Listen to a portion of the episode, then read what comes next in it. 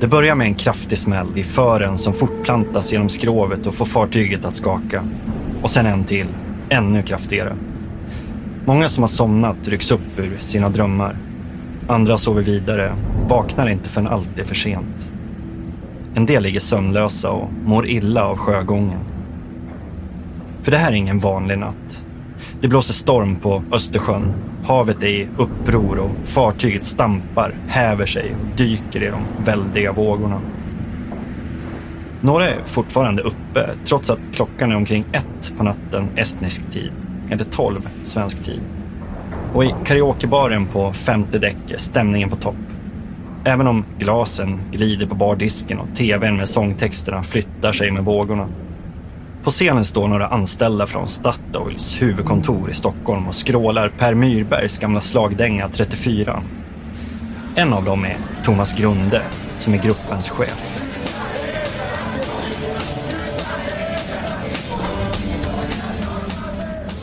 Men sen när vi kommer till slutrefrängen som jag tror går nu går 34 i himlen in så kommer den här smällen.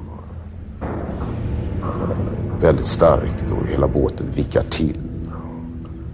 Och jag vet att jag tänkte att det här måste vara en väldigt kraftig våg.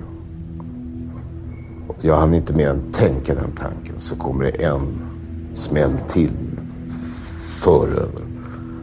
Och jag flyger handlöst över baren och landar mellan stol och bord och slår i skallen. Så att jag mer eller mindre tuppar av.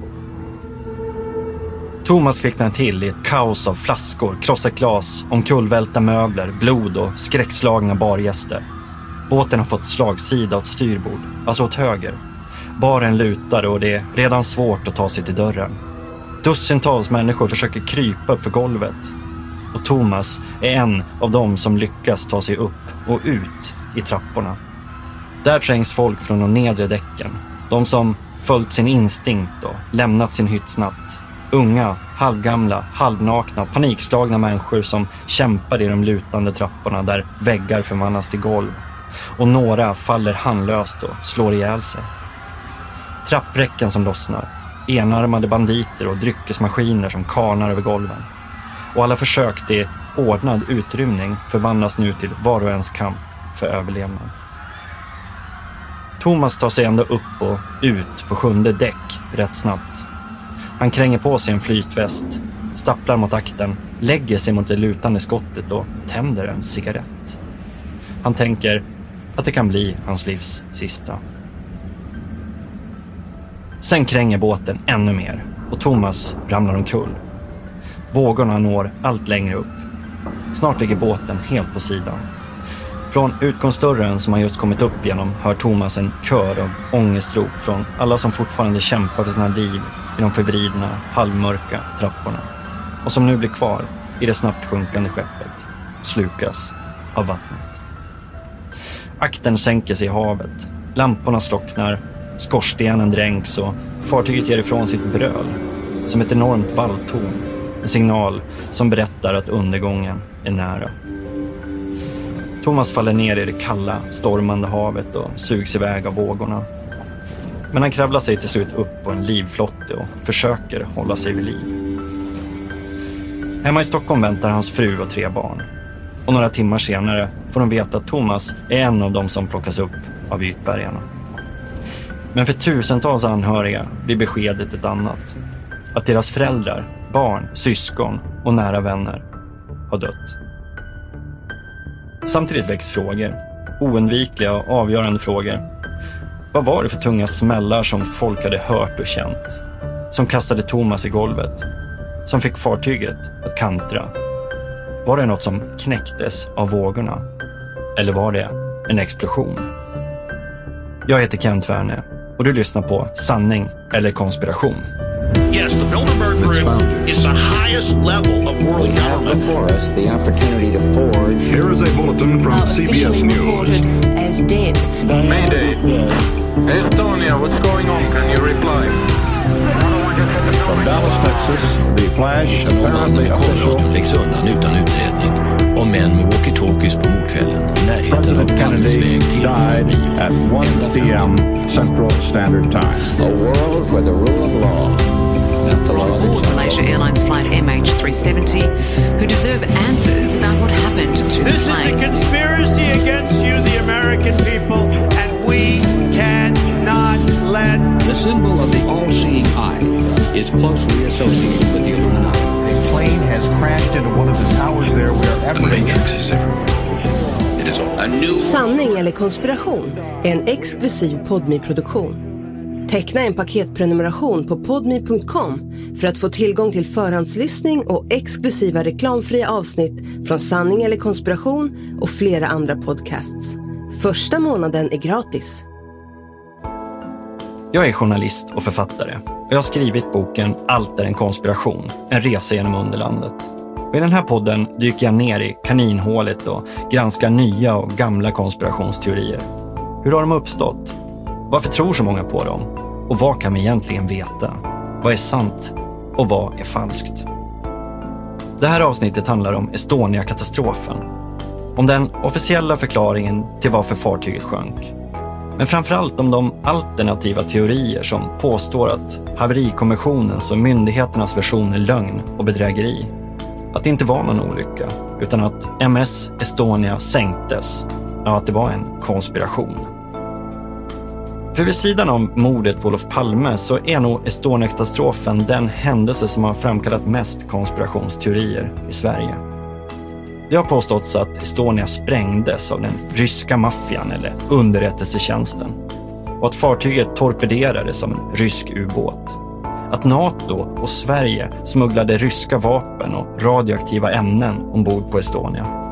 Att kaptenen låg skjuten på kommandobryggan. Att överlevande besättningsmän fördes bort och tystades av CIA och att stater, kommissioner och inte minst medier har gjort allt för att dölja sanningen om vad som egentligen hände när Estonia gick till botten. Vi ska snart titta närmare på de här teorierna, men först så ska vi återvända till hösten 1994. Det har gått 25 år sedan dess, ett kvarts sekel. Men precis som med Palmemordet minns nog många som var tillräckligt gamla då, den där morgonen den 28 september, när nyheten spreds om att en stor färja hade sjunkit i Östersjön under natten på sin rutt mellan Estlands huvudstad Tallinn och Stockholm. God morgon. En bil och passagerarfärja med 867 personer ombord har sjunkit söder om finska Utö. Den svensk-estniska färjan Estonia var på väg från Tallinn till Stockholm när den vid halv ett-tiden i natt slog runt i det hårda vädret. Det var storm i området, det blåste 25 sekundmeter. Det hela uppges ha gått mycket fort. På mindre än fem minuter kantrade och sjönk färjan. Hittills har bara 20 personer av de 867 ombordvarande räddats. Senare justeras siffrorna. Ombord fanns minst 989 personer, varav 803 var passagerare. Endast 137 personer överlevde, 111 män och 26 kvinnor. 852 människor omkom, bland dem 501 svenskar. Den värsta fartygsolyckan i fredstid sedan Titanic 1912 var ett faktum. Och Estonia-katastrofen blir ett nationellt trauma, särskilt i Estland och i Sverige. I Sverige har det nyss varit val där Socialdemokraterna har besegrat borgarna. Men Carl Bildt, han är fortfarande statsminister och får nu katastrofen i knät. Redan på förmiddagen den 28 september reser han till Åbo för överläggningar med Estlands och Finlands regeringschefer. Och där håller han en presskonferens och ger ett löfte. Jag anser att vi ska göra mycket stora ansträngningar för att bärga de omkomna.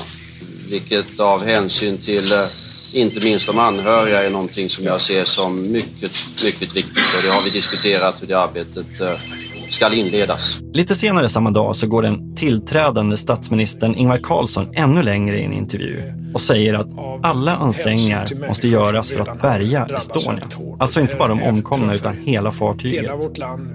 Men Såväl Bildt som Carlssons tydliga besked till svenska folket kommer snart att begravas i analysgrupper och etiska kommittéer. Och någon bärgning blir det aldrig. Estonia och alla de omkomna i fartyget blir kvar i Östersjön. Turerna kring allt det här och vilka konsekvenser de skiftande löftena och besluten fick för tilltron, eller snarare misstron mot makten, det återkommer vi till. För det är en nyckel till att förstå hur konspirationsteorierna sen kunde gro och få fäste. Men vi håller oss kvar i timmarna, dagarna och veckorna efter katastrofen. Och i sökandet efter svar på hur olyckan egentligen hade gått till. För den centrala frågan för många var ju trots allt hur den här osannolika katastrofen hade kunnat inträffa. På Aftonbladets löpsedel stod bara ett ord. Varför? Troligen hade hundratusentals svenskar åkt med Estonia. Inte på just den rutten och inte när hon hette Estonia. Fartyget hade tillverkats av Mayervarvet i Hamburg 1980 och först trafikerat rutten Åbo-Stockholm under namnet Viking Sally. 1990 bytte hon ägare och döptes om till Silja Star, men gick på samma linje. Och mellan 1991 och 93 kördes hon mellan Umeå Vasa och Sundsvall Vasa under namnet Vasa King. Jag var själv en av dem som klev ombord på båten i Sundsvall som 13-åring. Och jag minns den som en flytande koloss med restauranger, barer, taxfreebutiker och underhållning. Och visst var båten stor. Hon var 155 meter lång, 24 meter bred och hade nio våningar, eller däck. Det fanns plats för omkring 2000 personer och dussintals bilar och lastbilar. Och det var nog få som hade föreställt sig att en färja som Estonia kunde gå under. Möjligen drabbas av en brand ombord som Scandinavian Star 1990 eller tvingas vända på grund av något mindre tillbud. Men kapsejsa och sjunka i havet. Ändå hade faktiskt ett par liknande olyckor inträffat med mindre färjor bara under de senaste åren. 1993 hade den polska färjan Jan Hevelius slagit runt i en storm och 55 personer omkommit när lasten på bildäck hade förskjutits. Och 1987 hade den brittiska Herald of Free Enterprise kantrat och 197 personer dött efter att bogporten i fören hade lämnats öppen av misstag. Båda två var så kallade ro-ro-fartyg, alltså roll-on, roll-off-fartyg. På sådana kunde man köra på och av fordon via ramper i akten och fören. Även Estonia var ett roro-fartyg med en påkörningsramp längst fram som även funkade som en port när den var uppfälld. Och framför den ett bogvisir, en 60 ton tung stålkeps som hängde i två stora gångjärn som fälldes upp och ner med hjälp av hydrauliska armar och som låstes på flera ställen bland annat med ett så kallat atlantlås. I Åbo, dagen efter olyckan, så fick Carl Bildt veta något sensationellt. Att överlevande besättningsmän från Estonia berättat att bogvisiret hade brutits loss innan skeppet sjönk och att vatten hade strömmat in på bildäck. Och snart blev det här den etablerade bilden. Att kraftiga vågor hade slitit upp bogvisiret och vatten trängt in på bildäck. Alltså på tredje våningen i fartyget. Med 30-40 centimeters vattendjup på däck försköts färjans tyngdpunkt och Estonia kantrade och sjönk snabbt, sa den svenske sjösäkerhetsdirektören Bengt-Erik Stenmark till TT.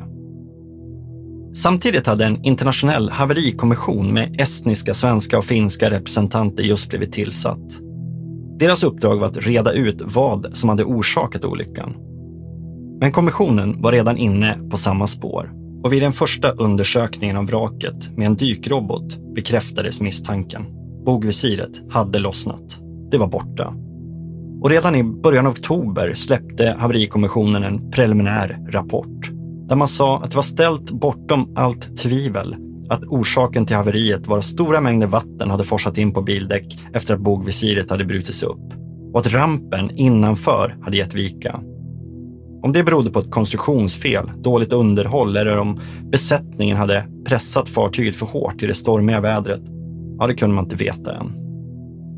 Den 18 oktober hittades bogvisiret knappt två kilometer väster om fartyget, alltså i den riktning som Estonia hade varit på väg. Men Det kunde förklaras med att fartyget hade girat åt babord, alltså åt vänster, strax efter att de tagit in vatten och fått slagsida och sedan drivit tillbaka österut mot Tallinn. En månad senare lyckades man bärga bogvisiret och undersöka det och i april 1995, när den tekniska analysen av bogvisiret var klar, kunde haverikommissionen slå fast att den grundläggande orsaken till katastrofen var att bogvisirets lås och fästen hade varit för klena. Det tyska varvet som byggde Estonia gjorde låsanordningarna betydligt svagare än de borde ha varit enligt ritningarna. Vågorna var ovanligt höga den där natten och Estonia höll hög fart, men främst så var det här ett konstruktionsfel. Låsen pallade inte trycket och knäcktes Man pekar inte bara finger mot varvet utan mot i princip hela systemet. För de internationella sjösäkerhetsreglerna, de hade inte följts på decennier, varken av varv eller rederier. Och de klassningssällskap och myndigheter som var satta att övervaka ruljansen, de hade sett mellan fingrarna. Man hade låtit snålheten och vinstintresset gå före säkerheten och låtit slarv passera. Estonia hade stora brister och hon var inte ensam. Det här var ändå rätt klara besked från haverikommissionen. Men viktiga pusselbitar saknades fortfarande. Som det exakta olycksförloppet och hur befälen på Estonia hade agerat. A lot can happen in the next three years. Like a chatbot may be your new best friend. But what won't change? Needing health insurance. United Healthcare Tri Term Medical Plans are available for these changing times. Underwritten by Golden Rule Insurance Company, they offer budget-friendly, flexible coverage for people who are in between jobs or missed open enrollment. The plans last nearly three years in some states, with access to a nationwide network of doctors and hospitals. So for whatever tomorrow brings, United Healthcare Tri-Term Medical Plans may be for you. Learn more at uh1.com. Före förlisningen. Allt det där skulle man ge besked om i slutrapporten, sa man. Som enligt planen skulle läggas fram innan årsdagen av olyckan, alltså i september 1995. Så blev det inte. Slutrapporten dröjde. Och inte förrän i december 1997, alltså tre år och två månader efter Estonias förlisning, så var den färdig. Förklaringarna, eller snarare bortförklaringarna, var många. Det tog tid att samla ihop alla vittnesmål och alla dokument och göra alla analyser, hette det. Men kommissionens arbete kantades också av interna bråk och flera avhopp, avsked och oenigheter om detaljer. Och den gick till slut under öknamnet En havererad kommission. Sommaren 1996 avgick till exempel den estniske ordföranden Andy Meister efter ett bråk om filmer under dykningarna som skulle ha visat om kaptenen var kvar på kommandobryggan eller inte. Meister påstod att den svenska delen av kommissionen hade censurerat filmerna. Men svenskarna hävdade att det inte fanns några filmer från bryggan Meisters efterträdare Uno Laur fortsatte sedan att anklaga svenskarna för att undanhålla bevismaterial och spela en alltför dominerande roll i utredningen. Svenskarna ska också ha ändrat i förhören och behandlat vittnesuppgifter tendentiöst, enligt Laur. Å andra sidan hade estländerna själva beskyllts för jäv. Ordföranden Andy Meister var Estlands kommunikationsminister och därmed politiskt ansvarig för sjösäkerheten och eftersom den estniska staten var delägare till Estonia så sågs han ju också som rederiets man. Även de andra två estniska ledamöterna hade kopplingar till rederiet. De skulle alltså undersöka haveriet av ett skepp som de på olika sätt haft ansvar för. Och risken fanns förstås att man lät det egna intresset styra. Ja, det menade i alla fall Meyerwerft, det tyska varvet som byggt Estonia. De tillsatte en egen utredning och den kom fram till att det inte handlade om ett konstruktionsfel utan om undermåliga och provisoriska reparationer som hade försvagat bogvisiret och bogrampen efter att båten hade levererats. Ja, att låsen och gångjärden hade misshandlats. Varvets utredare la alltså skulden på rederiet och på de estniska och svenska myndigheter som hade ansvarat för sjösäkerheten. Och man anklagade haverikommissionen för att vara partisk. Kommissionen den avfärdade i sin tur varvets rapport som en partsinlaga. Men haverikommissionens berättelse underkändes också av andra. Och en del gick betydligt längre än tyskarna. En av dem var skeppsbyggnadsingenjören, sjösäkerhetsexperten och konsulten Anders Björkman. Den officiella versionen stämde dåligt med olycksförloppet som han förstod det. Och i augusti 1996 lanserade han sin egen teori på DN Debatt. Nämligen att Estonia måste ha sprungit läck under bildäck, längst ner i båten. Först efter det hade vågorna slitit av bogvisiret, menade han. Det som kommissionen trodde var orsaken var bara en bieffekt. Man hade fått orsakssambanden om bakfoten. Alla fakta tyder på att vatten måste ha trängt in i fartyget under vattenlinjen varpå slagsidan uppstod och bogvisiret slets loss, skrev han. Ett drygt år senare intervjuades också Björkman i TV3.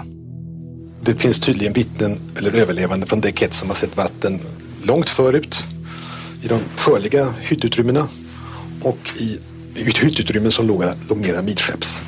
Och det verkar som om vatten har strömmat in i de här obevakade utrymmena under däck 1 som är första däcket under innebotten. Så att vatten måste ha kommit in på innebotten och sen stigit upp och spritt sig på däck 1. Men haverikommissionen var kallsinnig och svarade att Björkmans teorier saknade stöd.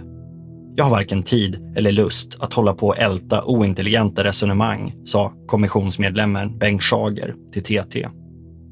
Men det stärkte bara Björkmans övertygelse att kommissionen inte brydde sig om sanningen. Och när slutrapporten släpptes kallade han den en skandalös förfalskning. I januari 1998 levererade han sin sanning i en egen bok. Nu skrev han att Estonia omöjligen kunde ha sjunkit genom att vatten strömmat in på bildäcket. För då skulle fartyget istället ha flippat runt och drivit med kölen upp i flera timmar. Men Estonia sjönk snabbt, så det måste ha varit ett hål i skrovet under vattenlinjen.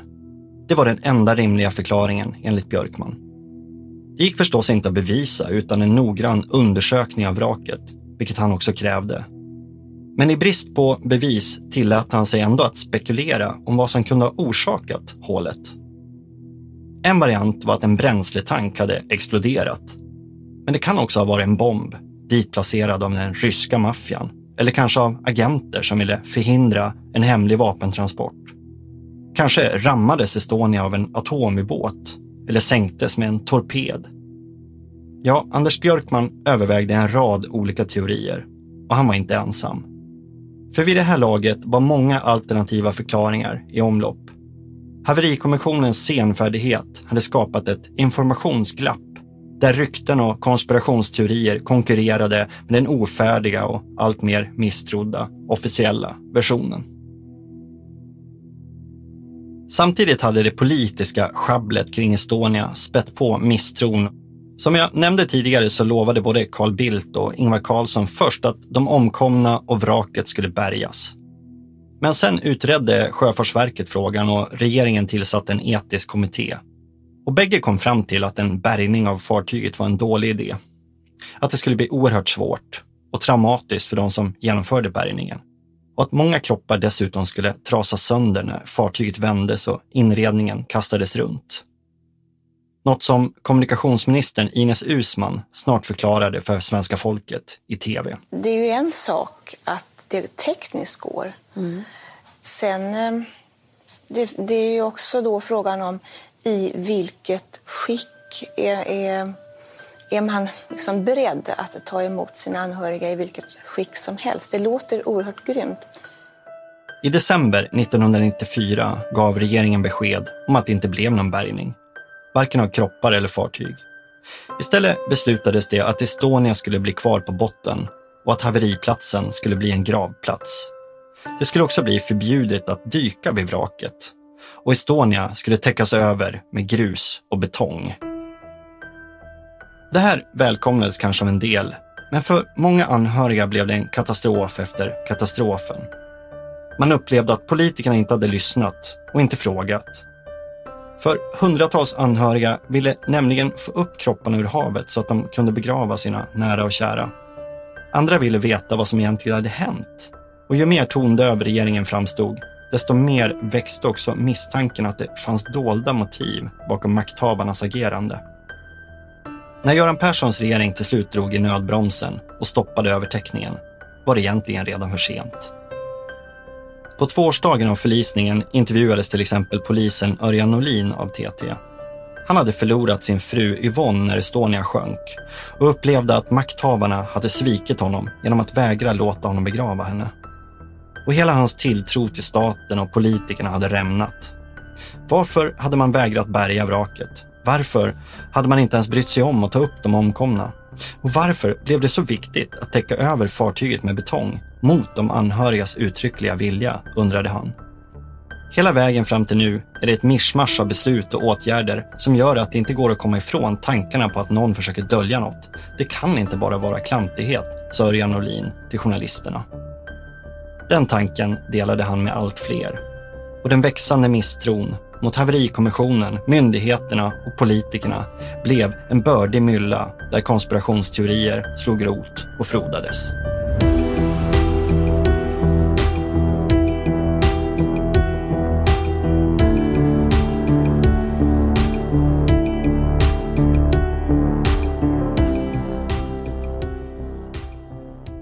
Många rykten kring Estonia-katastrofen startade i Estland, Ryssland och Tyskland. Inte sällan i etablerade medier. I Estland var det bördig mark för teorier som la skulden för katastrofen någon annanstans än på den estniska besättningen och det statliga rederiet. Och i Tyskland cirkulerade tvärtom många uppgifter som frikände det tyska varvet.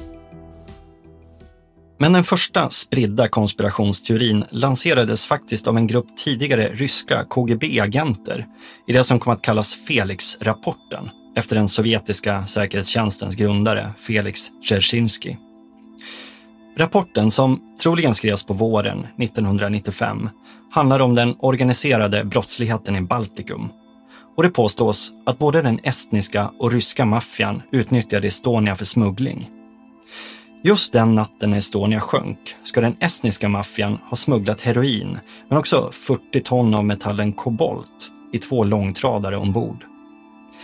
Men efter att fartyget lämnat hamnen i Tallinn fick den estniska maffian veta att den svenska tullen hade förvarnats och förberedde en razzia.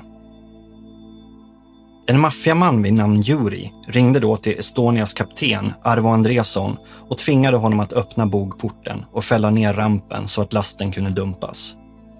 Andresson beordrade en del av besättningen att flytta om fordonen på bildäck så att lastbilarna kunde köras ut i havet.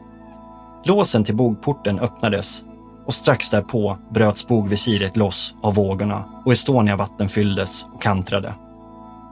Enligt rapporten hade en tulltjänsteman i Tallinn vid namn Igor Kristopovic spelat in telefonsamtalet mellan mafiosen och kaptenen. Men tre veckor efter katastrofen hade han mördats i sin lägenhet och inspelningen var spårlöst försvunnen. Felix-rapporten dök först upp i estniska och ryska tidningar och sen i Tyskland där Mayervarvets egen utredare Werner Hummel fick en översatt version av rapporten i sin hand i december 1995. Först hade han betraktat teorin som ogrundad och osannolik. Men sen hade han fått ett tips från en estnisk officer som kunde berätta att estniska toppmilitärer var inblandade i maffians smuggling. Framförallt pekades generalen Alexander Einzeln ut som en bov i dramat. Han hade återvänt till sitt hemland efter många år i exil i USA och en karriär inom den amerikanska armén och blivit Estlands överbefälhavare. Och han skulle enligt Hummels källa vara den som drog i trådarna.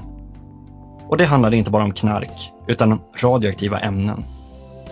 Samtidigt fick Hummel reda på att ett par överlevande från Estonia hade vittnat om motorljud på bildäck och om ett hydrauliskt ljud som om bogvisiret hade hissats upp. Bitarna passade plötsligt ihop och snart konstaterade Hummel att scenariot i Felix-rapporten inte alls var osannolikt, utan rätt så troligt.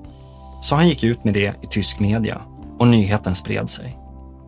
Men i Sverige avfärdades uppgifterna av sjösäkerhetsdirektören Johan Fransson som sa till DN att teorin föll på sin egen orimlighet eftersom bildäcket var fullt och det stod personbilar längst fram. Hur skulle man då köra en hel långtradare i havet? Och tullen i Sverige, den hade aldrig hört talas om att det skulle ha funnits någon knarksändning ombord på Estonia den natten. Metallen kobolt, den kunde dessutom importeras lagligt. Men teorin levde vidare och muterade. Och snart spreds det olika varianter som alla handlade om att Estonia hade burit på en hemlig last, att det inte var en olycka, utan att någon form av sabotage eller attentat hade orsakat katastrofen. En av de mer uppseendeväckande berättelserna kom från en tysk kvinna som hette Hannelore Marek. Hon påstod att hon varit Stasi-agent och senare generalöverst i ryska underrättelsetjänsten. Genom just en rysk militär underrättelsekälla hade hon fått veta att USA hade smugglat vapen på Estonia den där natten. Avancerade ryska vapen som amerikanerna ville lägga vantarna på. Men den ryska underrättelsetjänsten hade fått nys om transporten och bestämt sig för att stoppa den. Så man hade anlitat den libyska säkerhetstjänsten som sen hade sprängt fartyget. Var Hannelore Mark en trovärdig källa? Ja, kanske inte. I Tyskland såg många henne som en psykiskt sjuk mytoman som ofta försökte blanda sig i spektakulära händelser och erbjuda en hemkokt lösning. Som Palmemordet, där hon hävdade att KGB hade varit inblandat. Ändå togs hon på allvar av en del som börjat nysta i Estonia-katastrofen. En som satte sin tilltro till Mark var den tyska journalisten Jutta Rabe, som gjorde flera reportage om Estonia för Der Spiegels tv-kanal Spiegel TV. Redan dagen efter förlisningen hade Rabe rest till Helsingfors för att bevaka katastrofen. Då trodde hon som de flesta andra att allt var en tragisk olycka. Men efter Sjöfartsverkets dykningar vintern 1994 ändrade hon sig. Jag fick en känsla av att det pågick en mörkläggning. Jag hade aldrig bevakat en olycka där människor varit tvungna att dölja så mycket. Särskilt gäller det haverikommissionen, förklarade hon i Dagens Nyheter några år senare. Doch nicht nur, dass die schwedische Regierung die Toten nicht bergen will. Auch Rabe la pusselbit till pusselbit i jakten på en större bild. Och hon blev allt mer övertygad om att sanningen om Estonia hade dolts. Att fartyget egentligen hade sänkts och att långt mäktigare krafter än oväder och vågor låg bakom förlisningen. Att USA hade smugglat vapen på Estonia och att någon hade försökt stoppa transporten, ja, det hade gjort Arabi inte bara hört av ex-spionen Hannelore Marek utan från olika håll. Mycket tydde också på att åtta estniska besättningsmän som rapporterats saknade egentligen hade överlevt, men kidnappats och hållits fångna i Sverige och sen förts till en hemlig plats i USA. Antagligen för att några av dem visste för mycket om smugglingen och att sprängladdningar hade detonerat ombord. Och en anonym källa på svenska Sjöfartsverket berättade dessutom för Rabe att han läst en hemligstämplad Säpo-rapport om att den verkliga orsaken till förlisningen inte var en fallerande bogport utan ett stort hål i skrovet. Vittnen ska också ha sett en man i vinröd kavaj röra sig ledigt bland befälen timmarna innan förlisningen, vilket föreföll skumt. Rabe fick också information om en norrman som ska ha deltagit i dykningarna i december 1994 om att den ryska underrättelsetjänsten funnits på plats och tvingat dykarna att leta efter en attachéväska fastkedjad vid handen på en person i en viss hytt. Det här kunde tydligen också den tidigare ordföranden i haverikommissionen bekräfta för Rabe. Och enligt en högt uppsatt finsk militär som hade utvärderat filmerna från dykningarna så hade dessutom If you're looking for plump lips that last, you need to know about Juvederm lip fillers. With Juvederm Volbella XC and Juvederm Ultra XC, your lip look, whether it's subtle or bold, can last up to one full year with optimal treatment and no additional maintenance. Find a licensed specialist and see if it's right for you at juvederm.com today. That's J U V E D E R M.com. Add fullness to lips in adults over 21 with Juvederm Volbella XC or Juvederm Ultra XC. Do not use if you have severe allergies or a history of severe allergic reactions, or if you're allergic to lidocaine or the proteins used in Juvederm. Tell your doctor if you have a history of scarring or taking medicines that decrease the body's immune response or that can prolong bleeding. Common side effects include injection site redness, swelling, pain, tenderness, firmness, lumps, bumps, bruising, discoloration, or itching. As with all fillers, there's a rare risk of unintentional injection into a blood vessel, which can cause vision abnormalities, blindness, stroke, temporary scabs, or scarring. For full important safety information, visit juvederm.com. om kaptenen Arvo Andresson skjutits i huvudet innan förlisningen. Kanske för att han försökt stoppa ett attentat.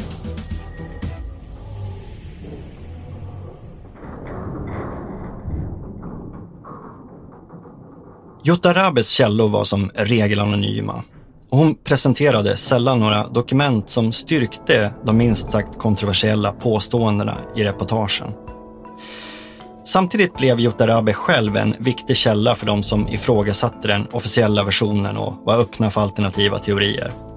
En av dem var Henning Witte, en tysk-svensk advokat som hade anlitats av DIS, en av de internationella anhöriggrupperna, för att på deras uppdrag försöka utkräva ansvar och skadestånd.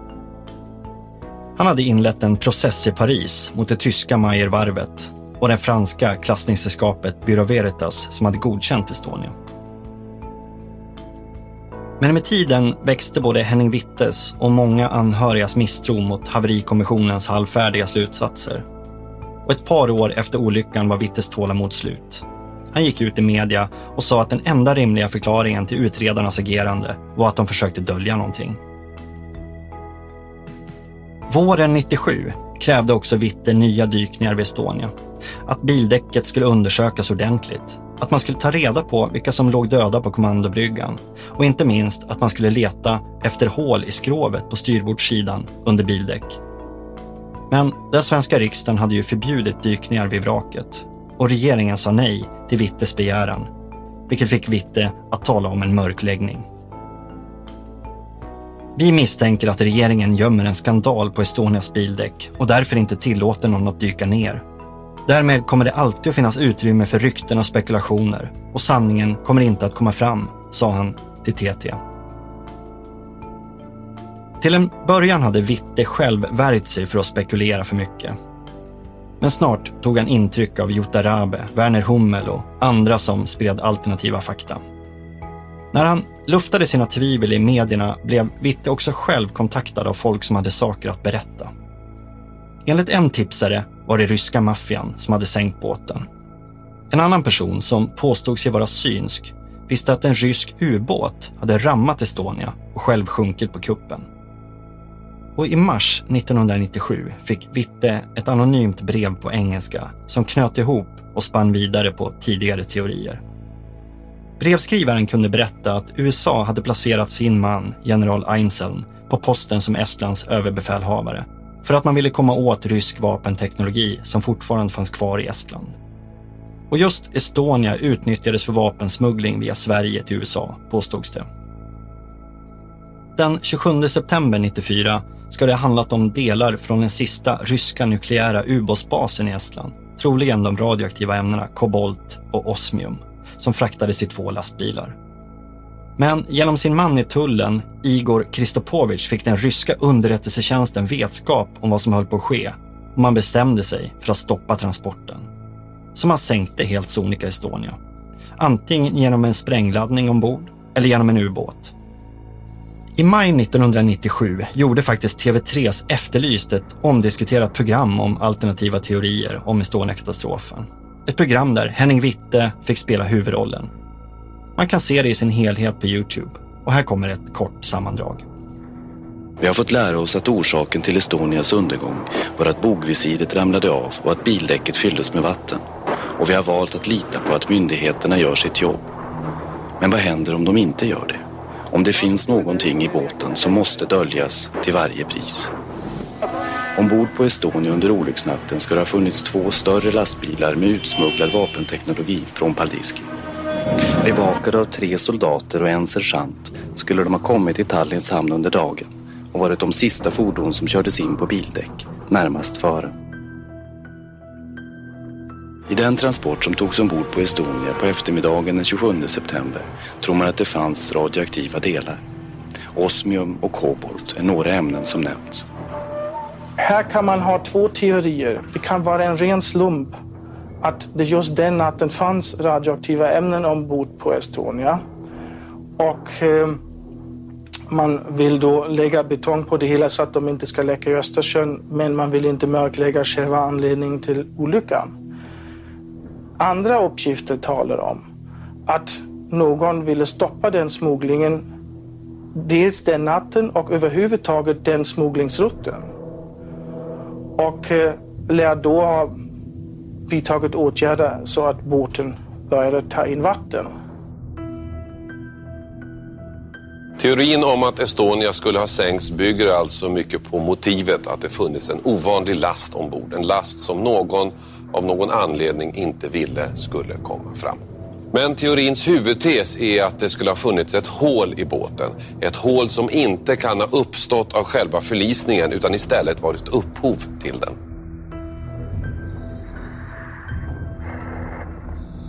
Vi vet inte exakt hur det här hålet har kommit in. Antagligen inifrån så att någon i förväg har applicerat någon slags sprängladdning eller liknande. Ingen sägs ha undersökt om det finns ett hål på Estonias styrbordssida. Men i förhören vittnar flera av de överlevande om upprepade smällar och att det kommit vatten underifrån långt innan båten fick slagsida. Det är varje gång båten stampar till i sjön, slår i sjön, så är det som om någon skulle slå en stor påk mot skrovet på båten. Ganska kraftigt metallljud om och om igen varje gång båten stampar i sjön. Så kom det ett oerhört brakande ljud, ett plåtljud som ruskade i hela båten. Jag känner igen det sen, sen jag varven i Göteborg, det här donande plåtljudet. Hålet ska finnas på den sida som ligger mot botten, men så långt ner att det ska vara synligt för dykarna. Detta hål är en av många faktorer som myndigheterna ska känna till, men vilja dölja för allmänheten. Vi har ju valt då att eh, låta er presentera den här teorin via vårt program därför att du vill ha eh, in tips om det här och det enda sättet att bringa klarhet i, i, i den här frågan det är ju genom tips. Så du vill att folk ringer ja. direkt till dig med de här tipsen. Det kan ju bli rätt många samtal du får. Ja, jag hoppas det. Och visst fick Henning Witte många tips av rätt skiftande natur. Men det var särskilt ett som han fastnade för. Nämligen en man som sa sig ha varit ombord på en svensk ubåt som hade fått i uppdrag att eskortera Estonia den natten eftersom hon hade känslig last ombord.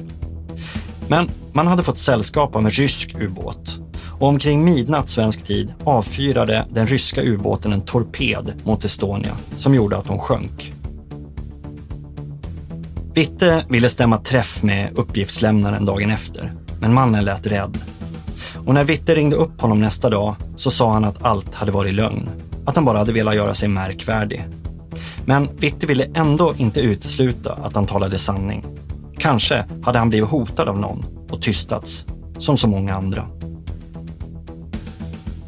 Allt det här berättar Henning Witte om i boken MS Estonia sänktes, som han gav ut på eget förlag i december 99. Då hade han kickats av anhöriggruppen som tyckte att han spårat ur och tappat fokus på det han var satt att göra, nämligen att driva en rättsprocess. Witte stod visserligen ifrån sig och påstod i sin bok att anhöriggruppens styrelse hade infiltrerats av den svenska militära underrättelse och säkerhetstjänsten MUST. Han hade själv också fått hotbrev och utsatts för det han kallade elektronisk terror. Det här var tydliga aktiviteter från säkerhetstjänsterna, argumenterade Witte. Och han menade att han hade blivit utsatt för en organiserad smutskastning i svenska medier, som även de kontrollerades av MUST och av Styrelsen för psykologiskt försvar, som idag är MSB, alltså Myndigheten för samhällsskydd och beredskap. Ja, medier, myndigheter, haverikommissionen och polisen ingick alla i en aktiv mörkläggningskampanj. Och de här aktörerna agerade förstås på uppdrag av den svenska regeringen, som i sin tur tog order av USA för enligt Witte så var det i slutändan USA som låg bakom hela mörkläggningen. Det var amerikanerna som med hjälp av Estlands och Sveriges militärledning hade smugglat vapen på Estonia. Det var visserligen inte amerikanerna som hade sänkt Estonia, utan ryssarna, antingen med en ubåt eller en bomb. Han kallade det för ett iskallt massmord. Men sanningen om den hemliga och illegala vapentransporten måste likväl döljas, argumenterar Witte. Först om USA finns med i bilden, skriver han, så kan de svenska myndigheternas agerande få en vettig förklaring. Jag tror nämligen inte att enbart makthavarna i Sverige är kapabla att genomföra mörkläggningen så mästerligt som nu görs. Ja, enligt Witte var allt som för andra kanske framstod som misstag och inkompetens ett resultat av en medveten plan, en hemlig agenda, en stor konspiration. Det var fler som var inne på samma spår. För alla var inte kontrollerade. Vissa vågade utmana vad de beskrev som den offentliga lögnen. Bland dem utmärkte sig förutom Henning Witte också Knut Karlqvist, en reporter på Finanstidningen som skrev flera artiklar och sen en bok med titeln Tysta leken, där han menade att hela haveriet omgärdades av en stor komplott. Och journalisten Sven Anér, som vid sidan av Palmemordet också nagelfor Estonia-katastrofen i boken Estonia sprängdes.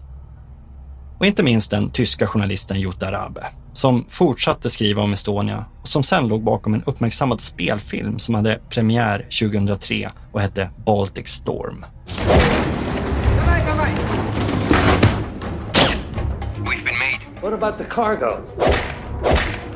It's on board but flying solo. What? Your Estonian sidekick has a problem. Does it jeopardize the delivery? Have you seen this man? Has he done something wrong? I didn't like the feel of that.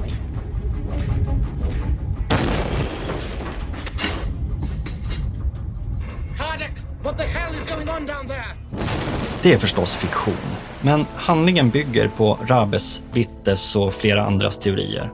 På det som i början av 00-talet hade förvandlats till en etablerad sanning bland konspirationstroende. Att USA med hjälp av den estniska och svenska militären smugglade ryska vapen och radioaktiva ämnen på Estonia. Att fartyget sprängdes av ryssar som ville stoppa smugglingen och att alltihop sen mörklades av den svenska, finska och estniska staten och av medierna. Förmodligen under tryck från USA. Och det är i stora drag vad konspirationsteorierna om Estonia fortfarande går ut på. De som har nystat vidare i fallet har kanske lagt till eller dragit ifrån några detaljer men annars är bilden klar. Men frågan är förstås om det finns några bevis för att teorierna stämmer. Bygger allt på anonyma uppgiftslämnare, tvivelaktiga spionrapporter och rykten? Eller finns det något mer handfast? Något som inte går att avfärda som påhitt och spekulationer? Ja, man hävdar det. På en av filmerna från dykningarna 1994 upptäckte Henning Witte och ingenjören Johan Ridderstolpe några märkliga paket i trakten av bogrampen. Sannolikt någon form av odetonerade sprängladdningar, tänkte man. Bilderna visades av Jutta Rabi i Spiegel TV och trycktes i Finanstidningen. Och på Youtube kan man se en film där Sven Anér kommenterar de här paketen, som ju ser rätt underliga ut. Men Enligt svenska myndigheter var det som syntes på filmerna troligen bara överlevnadspaket med nödproviant eller hopvikta presenningar. Och oavsett vilket så är de här gryniga bilderna på paket med rätt oklart innehåll knappast några säkra bevis på att Estonia sprängdes. Men man har också vittnen ett av Jutta Rabes och Henning Wittes nyckelvittnen var svensken Håkan Bergmark som berättade hur han som specialdykare i marinen kallades in av Sjöfartsverket för att dyka vid vraket dagarna efter förlisningen. Alltså innan de officiella dykningarna. Bergmark påstår att han då såg ett stort hål på styrbordssida som verkade ha skapats av en explosion inifrån. Han sa också att han hade överhört ett radiosamtal mellan befälen och regeringen där de kom överens om att hemlighålla allt. Men Bergmark hade vissa problem med trovärdigheten. Han hade dömts för misshandel efter ett krogbråk och låg i ständig konflikt med myndigheterna. Och när tidningen Fokus senare kontrollerade uppgifterna så visade det sig att Bergmark inte hade någon militär dykarutbildning och att han aldrig hade tjänstgjort som dykare i marinen och att fartyget Furusund som han sa sig ha dykt ifrån inte ens befann sig i närheten av Estonia vid tidpunkten, utan vid Horsfjärden i Stockholms skärgård. Men enligt de som tror på Håkan Bergmark är det här förstås bara en del av den stora mörkläggningen. Ett försök att diskreditera honom. I augusti år 2000 bröt också Jutta Rabe och amerikanen Greg Beamis mot gravfriden och organiserade dykningar vid Estonia. Man såg visserligen inget tydligt hål i skrovet, däremot en slags urgröpning i sanden under Estonias vattenlinje som enligt Bimis tydde på att det ändå fanns ett hål där. Kanske hade någon försökt täcka över det. Men det kunde ju också bara vara en skugga, erkände han. Och på filmerna är det just vad man ser. Konturlösa skuggor som med stor vilja kan tolkas som något mer. Även Henning Witte medgav att det var svårt att se ett hål på filmerna. Men då måste alltså hålet finnas någon annanstans, kommenterade han. För att det fanns ett hål, det var han säker på. Jotarabi och Greg Beamis skar också loss delar från Estonias skrov enligt uppgift från området kring bogrampen och lät analysera dem. Och bingo! Två tyska och ett amerikanskt materialprovningsinstitut menade att metalldelarna bar spår av en explosion. Det gick stick i stäv med de analyser som den finska kriminalpolisen hade gjort av bogvisiret. När det statliga provinstitutet Bundesanstalt für Materialforschung senare analyserade metallbitarna mer noggrant så blev också resultatet ett annat. I sitt utlåtande skrev man på de båda undersökta provbitarna hittades inga tecken på en sprängämnesexplosion. Alla undersökta strukturförändringar tyder på en deformation av mekanisk påverkan. Det kunde alltså vara bitar från bogvisiret eller bogrampens fästen som slitits sönder. Jotarabe tog ändå fallet till tysk domstol i hopp om att få bombteorin fastslagen. Men 2002 la åklagaren ner förundersökningen. Han trodde inte att Estonia hade gått under på grund av ett bombattentat. Åtminstone saknades det bevis. Så Jotarabe, Henning Witte och andra som trodde att Estonia hade sprängts var tillbaks på ruta ett. Men så kom det ännu en vändning. För 2004 hällde Uppdrag granskning bensin på brasan. Efter tio år av rykten, nu kan vi avslöja Sverige smugglade militärmateriel med Estonia. Reporten Lars Borgnäs hade fått ett tips. Och den här gången var det inte från en anonym källa, utan från en person som var beredd att framträda offentligt. Mannen som nu kontaktade mig heter Lennart Henriksson. Han var anställd i tullen i Stockholm i 38 år, de sista åren som tullintendent och chef för sjötullen. I tio år har han gått och hållit för sig själv det han nu berättar, det han såg hända kort före olyckan. För mig berättade nu Lennart Henriksson hur det kort före olyckan skedde något han inte har varit med om tidigare under sina många år i tullen. Ja, någon gång i mitten på september. Nu efteråt så vet jag vilket datum det var. Det måste ha varit kring den 12, 13, 14 så blev jag uppkallad till min närmsta chef. Och han sa att vi ska upp till tulldirektören på ett möte. Så jag infann mig där och gick upp till tulldirektören och då berättade han att med Estonia så kommer en bil med han bilnummer och den ska inte visiteras. Och inte visiteras jag då ställde frågan. Ja, det är, vem har sagt det? Ja, det är order fick jag till svar till tulldirektören. Ja, från vem då? Ja, från högsta ort. Ja, vad då högsta ort? Ja, så högt upp man kan komma, svarade han. Vad hände sen den 14? Ja, jag tyckte att det var lika bra att man skulle inte blanda in andra eftersom jag hade fått den här ordern så jag åkte ner då till färgläget. Så stod det i uniform när bilen kom och så gick jag fram och pratade med föraren. Jag hade fått ett namn på vad han skulle heta också. Men jag trodde inte att... Jag lät som ett fejkat namn så jag brydde mig inte mycket om det där. Vad var det för namn? Måste jag tala om det? Ja. Frank Larsson var det sagt. Men du trodde det var fel namn? Ja, jag tyckte inte det lät lite... Just när jag fick... Det lät väldigt konstigt. Och vad hände? Ja, han kom med sin... Han hade en Volvo 745 stationsbil. Och jag gick fram och sa att tullen höll kontroll. Och då tittade han lite på mig, men han ställde inga direkta frågor. Så jag vill titta lite i bilen. Men det blir en, jag sa att det blir en liten fejkad visitation. För, och det jag ser, det, det är bara jag som ser det. Lennart Henriksson vittnade alltså om att han hade släppt igenom en bil på Estonia med någon form av militär elektronik och att orden hade kommit från högsta ort. Det inträffade ett par veckor innan Estonias förlisning och sen en gång till, bara en vecka innan förlisningen. Även då handlade det om en bil med militär utrustning i bagaget. Och Henrikssons närmaste chef, Stig Sandelin, bekräftade uppgifterna, om än något motvilligt. Du, vet du vilka som var de som transporterade det här? Ja. Var det folk inom den militära delen? Det var folk från Försvarsmakten. Folk från Försvarsmakten. Lennart Henrikssons uppfattning att det var militär materiel som togs in med Estonia den 14 och den 20 september är alltså korrekt. Det bekräftas av Stig Sandelin. Det var rysk materiel, den svenska försvarsmakten var inblandad, det hela skedde under största sekretess. Detta att passagerarfärjan Estonia användes för hemliga transporter av krigsmateriel kort före förlisningen fick aldrig den internationella haverikommissionen veta, den som under tre års tid utredde olyckan. De rykten som förekom direkt efter katastrofen om att militär last hade funnits ombord på Estonia på olycksnatten sågs därför bara som just rykten utan substans. Nu vet vi att sådana transporter förekom två veckor respektive en vecka före förlisningen. Frågan är om det fanns en liknande hemlig last av krigsmateriel på bildäck när färjan sjönk den 28. Men det förnekade Stig Sandelin att det hade funnits. Och Lennart Henriksson, han hade haft semester då. Men han misstänkte ändå att det kan ha förekommit och att det hade något med Estonias undergång att göra. Det gjorde också reporten Lars Borgnäs som ställde flera myndighetschefer och militärer mot väggen. Han intervjuade också Estlands tidigare ÖB, Alexander Einsalm. Han som enligt vissa rykten hade medverkat i smugglingen av ryska vapen till USA. Men nu, i intervjun, hävdade Einsel att de här nya uppgifterna kunde förklara den besynnerliga hanteringen av Estonia-katastrofen.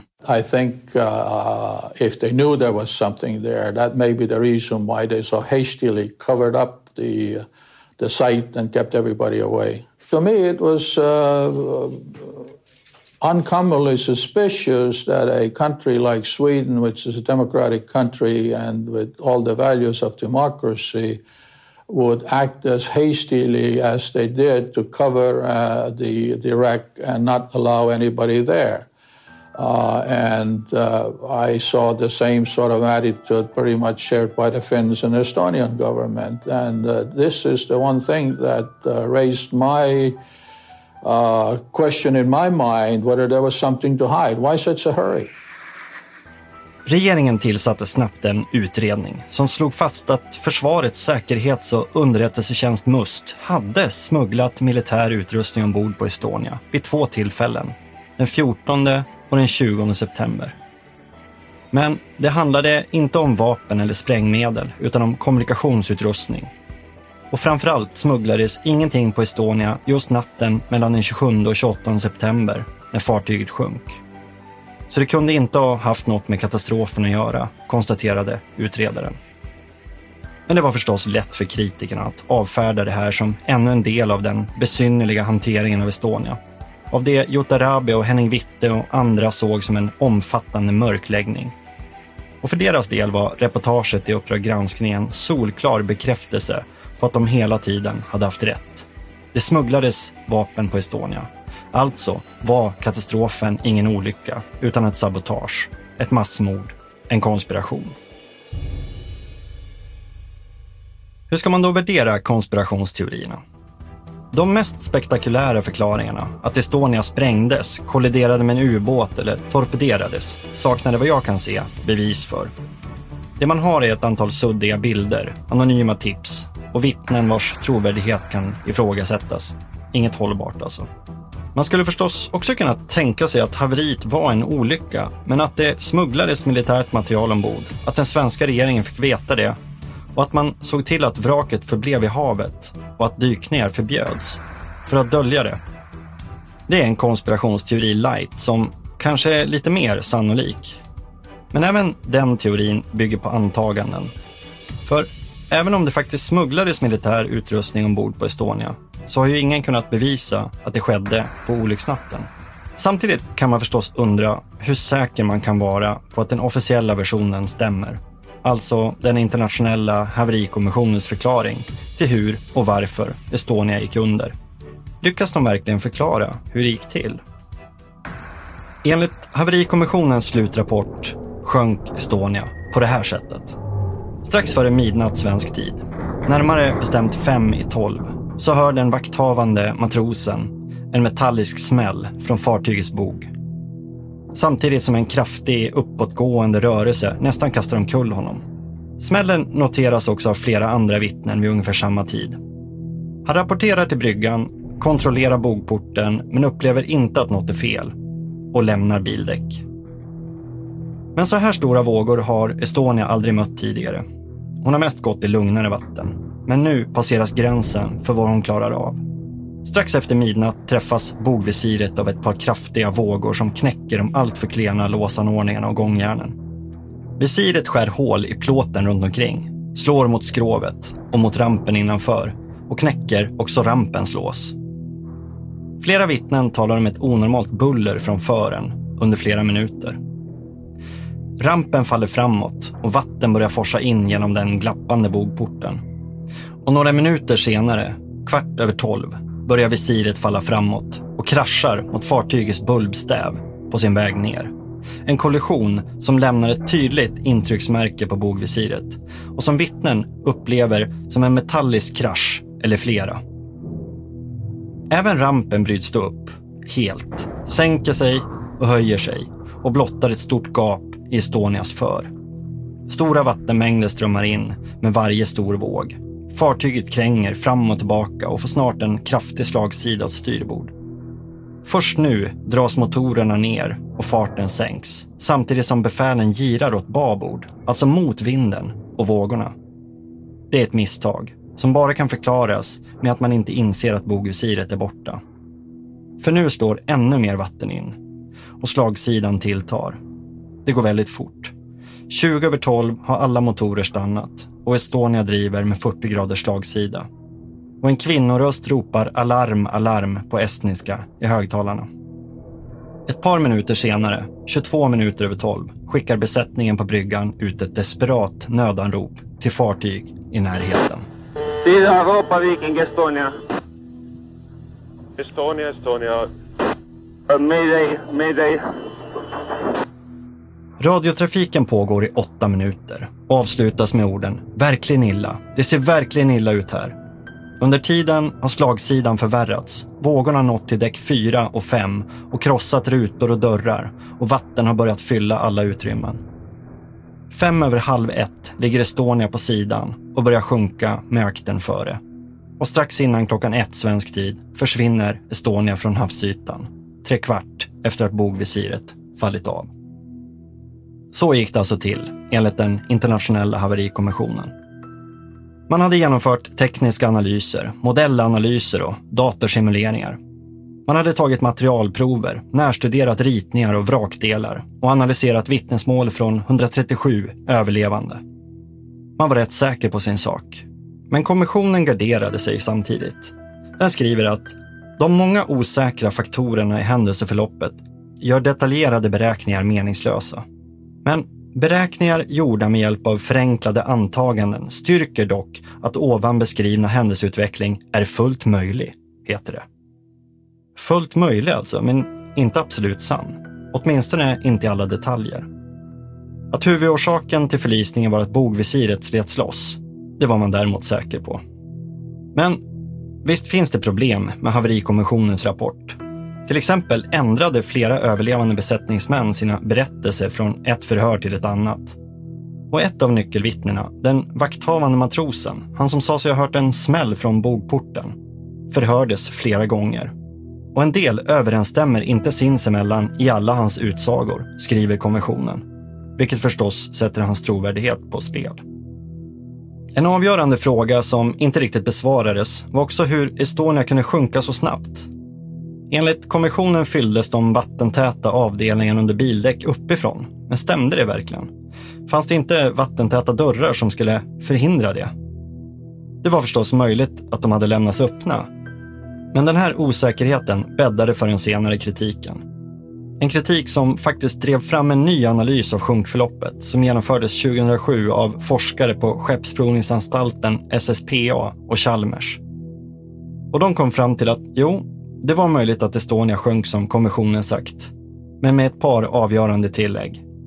När Estonia fick sin kraftiga slagsida på 45 grader strömmade vatten in även på övre däck, men inte bara genom krossade fönster, utan också genom ventilationstrummor som ledde till andra däck längre ner. På det sättet fylldes båten i princip överallt. När hon väl hade fått slagsida så var ödet beseglat. Nu garderade sig visserligen också forskningschefen på SSPA. Jag säger inte att vi redovisar den absoluta sanningen, men det vi kommit fram till är det mest sannolika scenariot, sa han. Och kanske är det just sannolikheter och inte sanningar som vi får nöja oss med när det handlar om Estonia-katastrofen. Vad som verkligen hände, varför Estonia sjönk så fort, om det fanns ett hål i skrovet och en hemlig last. Ja, det hade vi kanske fått svar på om man hade bärgat fartyget eller om kropparna hade bärgats och fartyget sedan nagelfarits ordentligt av dykare och kameror, utvändigt och invändigt. Men det gjordes inte. Man nöjde sig med den första förklaringen som dök upp och sen säkrade man inte de bevis som skulle ha behövts för att få stopp på spekulationerna. Tvärtom bäddade man för de spekulationer och konspirationsteorier som vi lever med än idag. Konspirationsteorierna lever också mycket tack vare ett antal envetna personer som aldrig verkar tröttna på att försöka upplysa världen om Estonia-katastrofens verkliga innebörd. En av dem är Anders Björkman, han som först flaggade för att haverikommissionens förklaring inte höll måttet och att Estonia måste ha ett hål i skrovet under vattenlinjen. Björkman skriver och diskuterar oförtrutet om Estonia på sin hemsida. Men genom åren har han också utökat sin repertoar. För senare blev han även övertygad om att 9-11 var ett insiderjobb och att tornen sprängdes. Att månlandningen 1969 aldrig ägde rum. Att den globala uppvärmningen är en bluff och att kärnvapen aldrig har fungerat utan är ett amerikanskt påhitt. Idag tror han för övrigt att Estonia kolliderade med en atomubåt. Och så Henning Witte, som numera driver en egen webb-tv-kanal, White TV, och som håller föreläsningar och skriver.